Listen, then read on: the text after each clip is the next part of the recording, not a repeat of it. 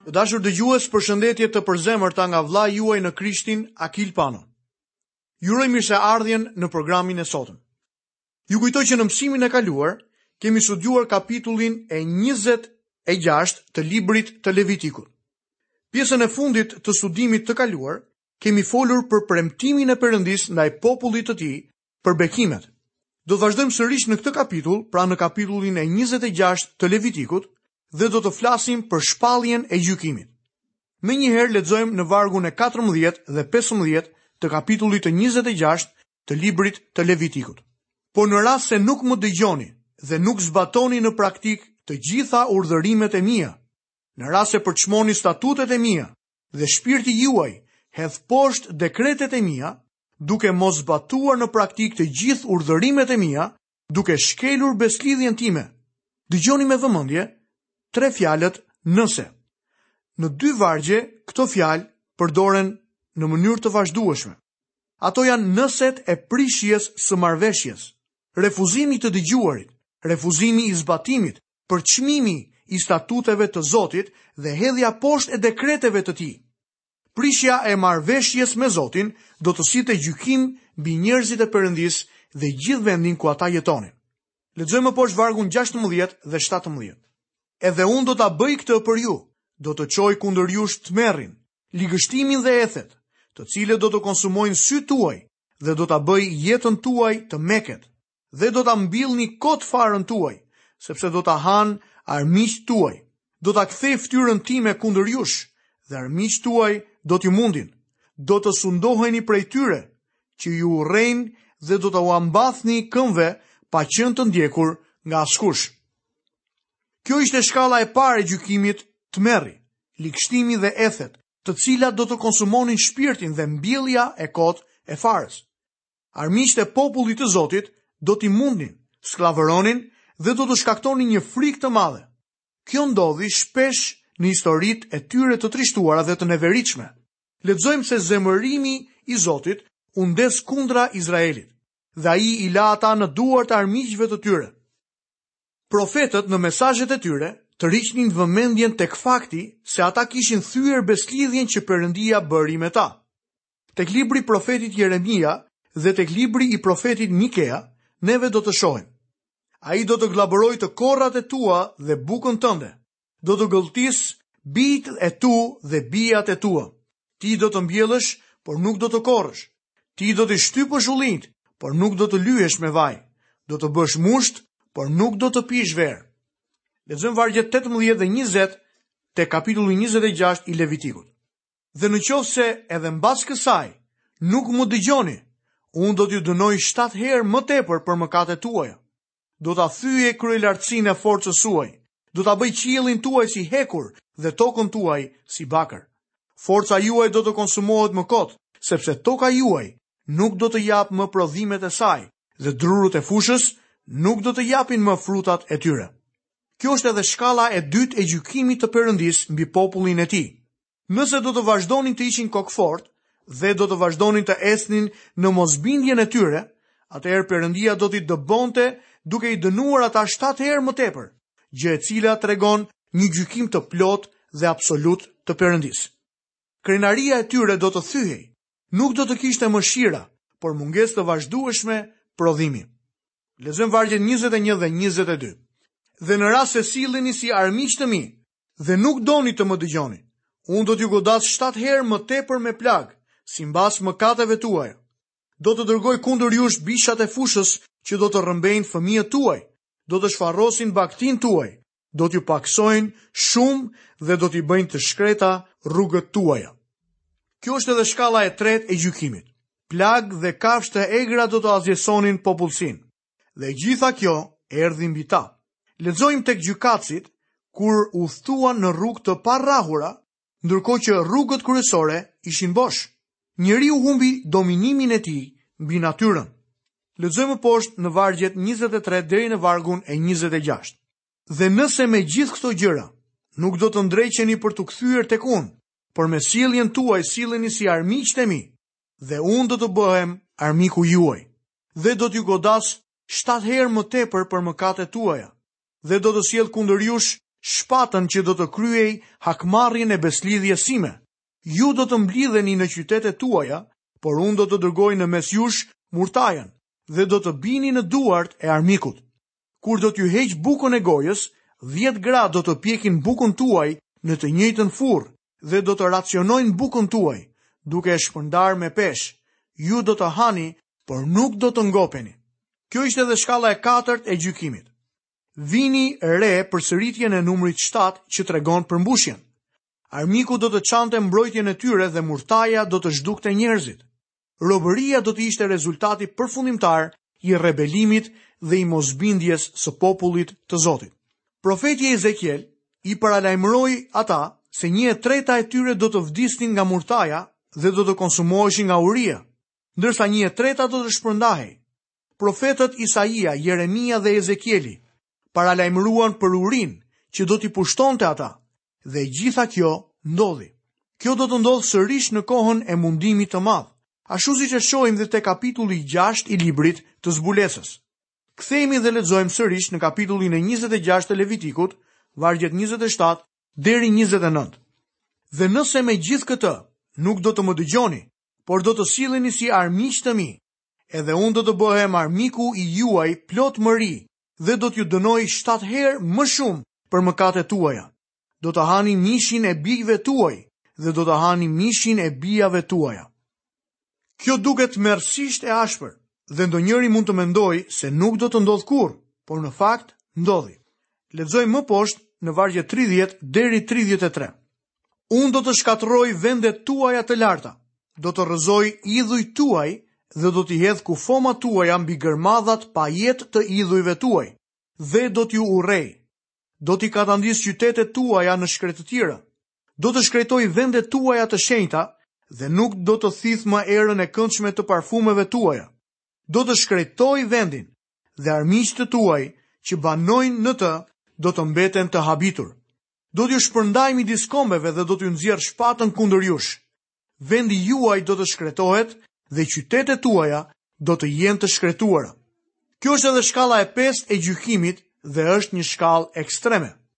Do të ishte rezultat i betejës në rrethimet e qyteteve. Kjo u përmbush në rrethimin e Samarisë, histori të cilën e gjejmë tek libri i dytë i mbretërve, dhe përsëri në rrethimin e Jeruzalemit nga Babilonia, nën Nebukadnesarin.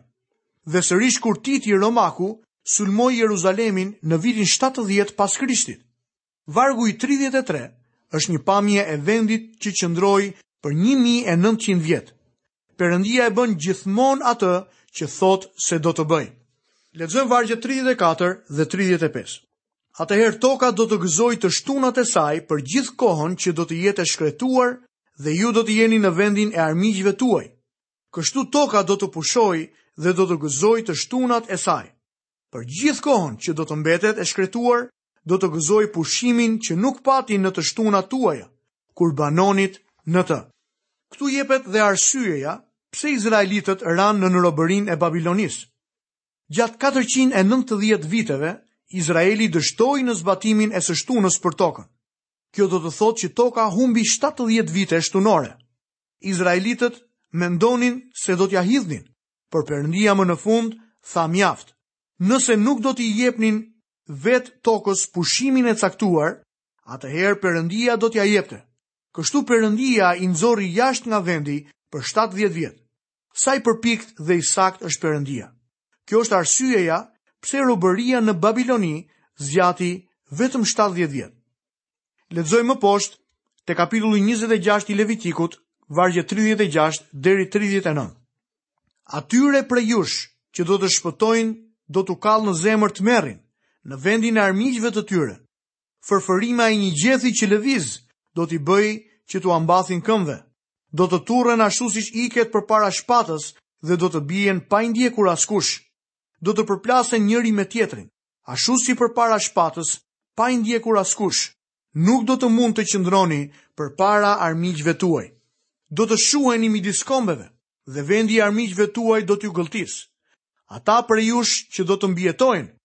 do të përgjërohen për shkak të paudhësisë së tyre në vendin e armiqve.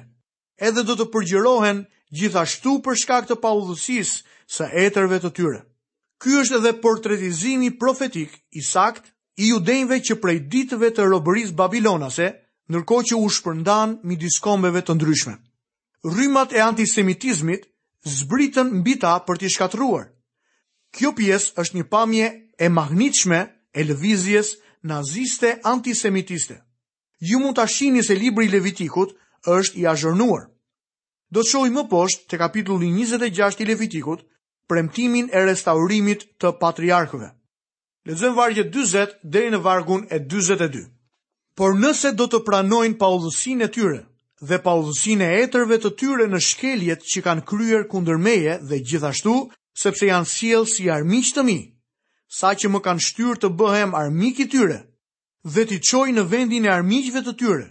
Në rast se zemra e tyre e parrethprerë, do të përulet dhe do të pranojnë ndëshkimin e paudhësisë së tyre, Atëherë unë do të kujtohem për besëlidhjen time të lidhur me Jakobin.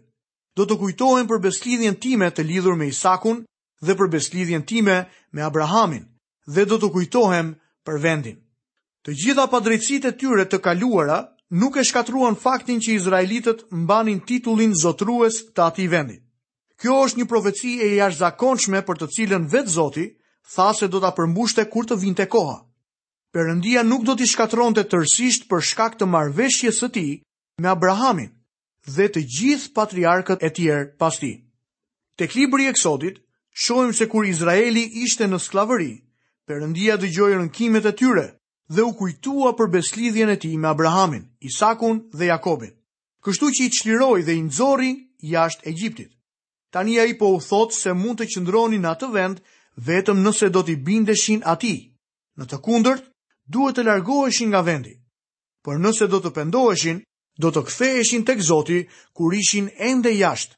Atëherë Perëndia do t'i sillte sërish në atë vend. Kështu shohim se Danieli u kthye tek Perëndia me lutje kur ishte në Babiloni. E ktheu fytyrën e tij drejt Jeruzalemit, rrëfeu mëkatin e tij dhe atë të popullit të tij. Kur veproi kështu, Perëndia e dëgjoi. Perëndia dërgoi një lajmtar tek ai për t'i thënë se ata do të ktheheshin në tokën e tyre, dhe ata u kthyen. Perëndia ende ka një synim të ardhshëm për këtë komb, të cilin dënimi i së kaluarës nuk mund ta shfuqizojë. Lexojmë në vargjet 43 dhe 44. Sepse vendi do të braktiset prej tyre dhe do të gëzojë të shtunat e tij, ndërsa do të jetë i shkretuar pa ta. Kështu ata do të pranojnë ndëshkimin e paudhësisë së tyre, për faktin se kanë përçmuar dekretet e mia dhe kanë kundërshtuar statutet e mia. Megjithatë, kur do të ndodhen në vendin e armiqve të tyre, Unë nuk do t'i përçmoj dhe nuk do t'i urrej aq sa t'i asgjësoj krejt dhe të prish besëlidhjen time që kam lidhur me ta. Unë jam Zoti, Perëndia e tyre. Ky është një pasazh i jashtëzakonshëm i Shkrimit. Pasi keni lexuar këtë pasazh, a mund të thoni që Perëndia u lodh me kombin e Izraelit? Nëse besoni se Perëndia ka parasysh atë çfarë Ai thotë, atëherë mund të themi me plot gojën se nuk është lodhur aspak me popullin e tij. Lexojmë vargjet 43 dhe 46. Por për dashuri ndaj tyre do të kujtohem për besëlidhjen e lidhur me stërgjyshërit e tyre, që i nxora nga vendi i Egjiptit, para syve të kombeve për të qenë perëndia i tyre. Unë jam Zoti. Këto janë statutet, dekretet dhe ligjet që Zoti vendosi midis tij dhe bijve të Izraelit, mbi malin Sinai me anë të Moisiut. Ata sollën dënim mbi Palestinën, ashtu siç Adami me anë të mëkatit të tij solli dënimin mbi gjithë botën. Për shkak të besëlidhjes së Zotit me etërit e tyre, ai do t'i kthejë ata sërish në vendin e tyre dhe do të restaurojë gjithçka që u ka premtuar. Kemi mbërritur në fundin e dhënies së këtyre ligjeve tek Levitiku. Perëndia konfirmon këtu se në pesë librat e fillimit të Testamentit të Vjetër, të cilët u dhanë nëpërmjet Moisiut, këto ligje arrijnë një pikë përfundimtare. Ky varg të lë përshtypjen sikur kemi ardhur në fund të librit, por në fakt nuk është kështu. Perëndia shikon përgjatë kohës dështimet e tyre të përsëritura. besnikërinë e tij dhe fitoren përfundimtare. Moisiu edhe pse ishte një ndërmjetës, nuk mund t'u sillte bekime të përjetshme. Bota duhet të kërkojë për një tjetër. Gjoni na jep një përgjigje në lidhje me të. Sepse ligji u dha nëpërmjet Moisiut, por hiri dhe e vërteta erdhën nëpërmjet Jezu Krishtit. Tani do të fillojmë studimin tonë në kapitullin e 27 të librit të Levitikut. Tema e kapitullit të 27 është vlerësimi i shpengimit të personave, vlerësimi i shpengimit të kafshëve, vlerësimi i shpengimit të shtëpive, vlerësimi i shpengimit të tokës në lidhje me tri gjërat që i përkasin Zotit. Kur ne do të fillojmë të lexojmë këtë kapitull, mund të habitemi edhe pse ky kapitull ndodhet në këtë vend. Ky kapitull duket si një pjesë shtesë ose si një postscript i librit të Levitikut. Këtë fenomen e vënë re të gjithë shpjeguesit dhe një pjesë e mirë në fakt e konsiderojnë si një problem të rëndësishëm. Dikush tha që nuk e përfshin këtë kapitull te libri i Levitikut, ndërsa doktor Langli e trajton atë si një shtojcë. Edhe pse subjekti mund të duket i huaj dhe pa lidhje me kontekstin e librit, unë nuk shoh ndonjë arsye për ta bërë qimen tra. Mendoj se ka një qëllim të caktuar në renditjen e këtij kapitulli të fundit. Doktor Kellogg vëren me perceptim të vërtetë shpirtëror se ajo çfarë e ka paraprirë këtë kapitull është e detyrueshme, ndërsa ky kapitull është paraqitur me vullnet të plotë. Në fakt ky ndërton një kulm të bukur dhe të përshtatshëm në librin e adhurimit. Në të njëjtën mënyrë kapitulli njëzet e një i Ungjillit të Gjonit paraprihet nga pika kulmore në kapitullin e njëzet. Në kapitullin e njëzet të Ungjillit të Gjonit, Zoti ynë i ringjallur u është zbuluar dishepujve të tij dhe i ka dërguar ata në botë. Por te kapitulli i njëzet e një, Jezusi ka një mesazh për Simon Pjetrin. Ai i thotë, Nëse më do mua, ushqeji delet e mia. Kjo bëhet me vullnet të plotë dhe baza e saj është dashuria. Kjo është edhe metoda e Zotit. Një tipar i mrekullueshëm i zotimeve është se ato janë vullnetare. Ato vinin pas urdhërimeve, ceremonive dhe dekreteve. Ishte hapi i dytë pas hapit të parë që u kishte kërkuar Perëndia. Ato janë përgjigja e një zemre mirënjohëse. Gjithsesi, është e rëndësishme të përmendim se pasi i ishte bërë një premtim Zotit, përmbushja e tij, e këtij premtimi pra, ishte thelbësore. Përgjigja natyrore e një personi të shpëtuar është se ai duhet të pyesë çfarë mund të bëjë ai për Zotin, meqenëse ai bëri, Perëndia bëri, aq shumë për të. Ne e shohim këtë të shprehur shumë herë në shkrime. Psalmi 116 dhe vargu i 12 na thotë: Ç'do t'i jap Zotit në këmbim të të gjitha të mirave që më ka bërë. Ndërsa apostulli Pal u shkroi besimtarëve të ditëve të tij, O vëllezër, po ju bëj thirrje nëpërmjet dhembshurisë së Perëndisë, ta paraqisni trupin tuaj si fli të gjallë, të shenjtëruar, të pëlqyer tek Perëndia, që është shërbesa juaj e mençur. Ky nuk është një urdhërim. Ai u thotë, po ju bëj thirrje. Tek letra drejtuar Titit, kapitulli 2 dhe vargu 11, apostulli Pal u shkroi, sepse hiri shpëtues i Perëndisë iu shfaq gjithë njerëzve. Çfarë bën ai? A kërkon diçka? Jo. Dhe na mëson të mohojmë pabesinë dhe lakmitë e botës, sepse ne rrojmë me urtësi, me drejtësi dhe me perëndishmëri në këtë jetë. Mikea me siguri e ka pasur në mend këtë kapitull kur ai shkroi: O njeri, ai të ka bërë të njohur atë që është e mirë. Dhe çfarë tjetër kërkon Zoti nga ti, përveçse të zbatosh drejtësinë, të duash mëshirën dhe të ecësh përulësisht me Perëndinë tënd. Të dashur dëgjues, këtu kemi mbrritur dhe në mbylljen e programit të sotëm. Ju kujtoj që kapitullin e 27 të librit të Levitikut do të vazhdojmë ta studiojmë në emisionin e ardhshëm. Deri atëherë nga vëllai juaj në Krishtin Akil Pano, paçi të gjitha bekimet e Perëndisë dhe paqen e tij në jetën tuaj. Bashkë mirudëgjofshim.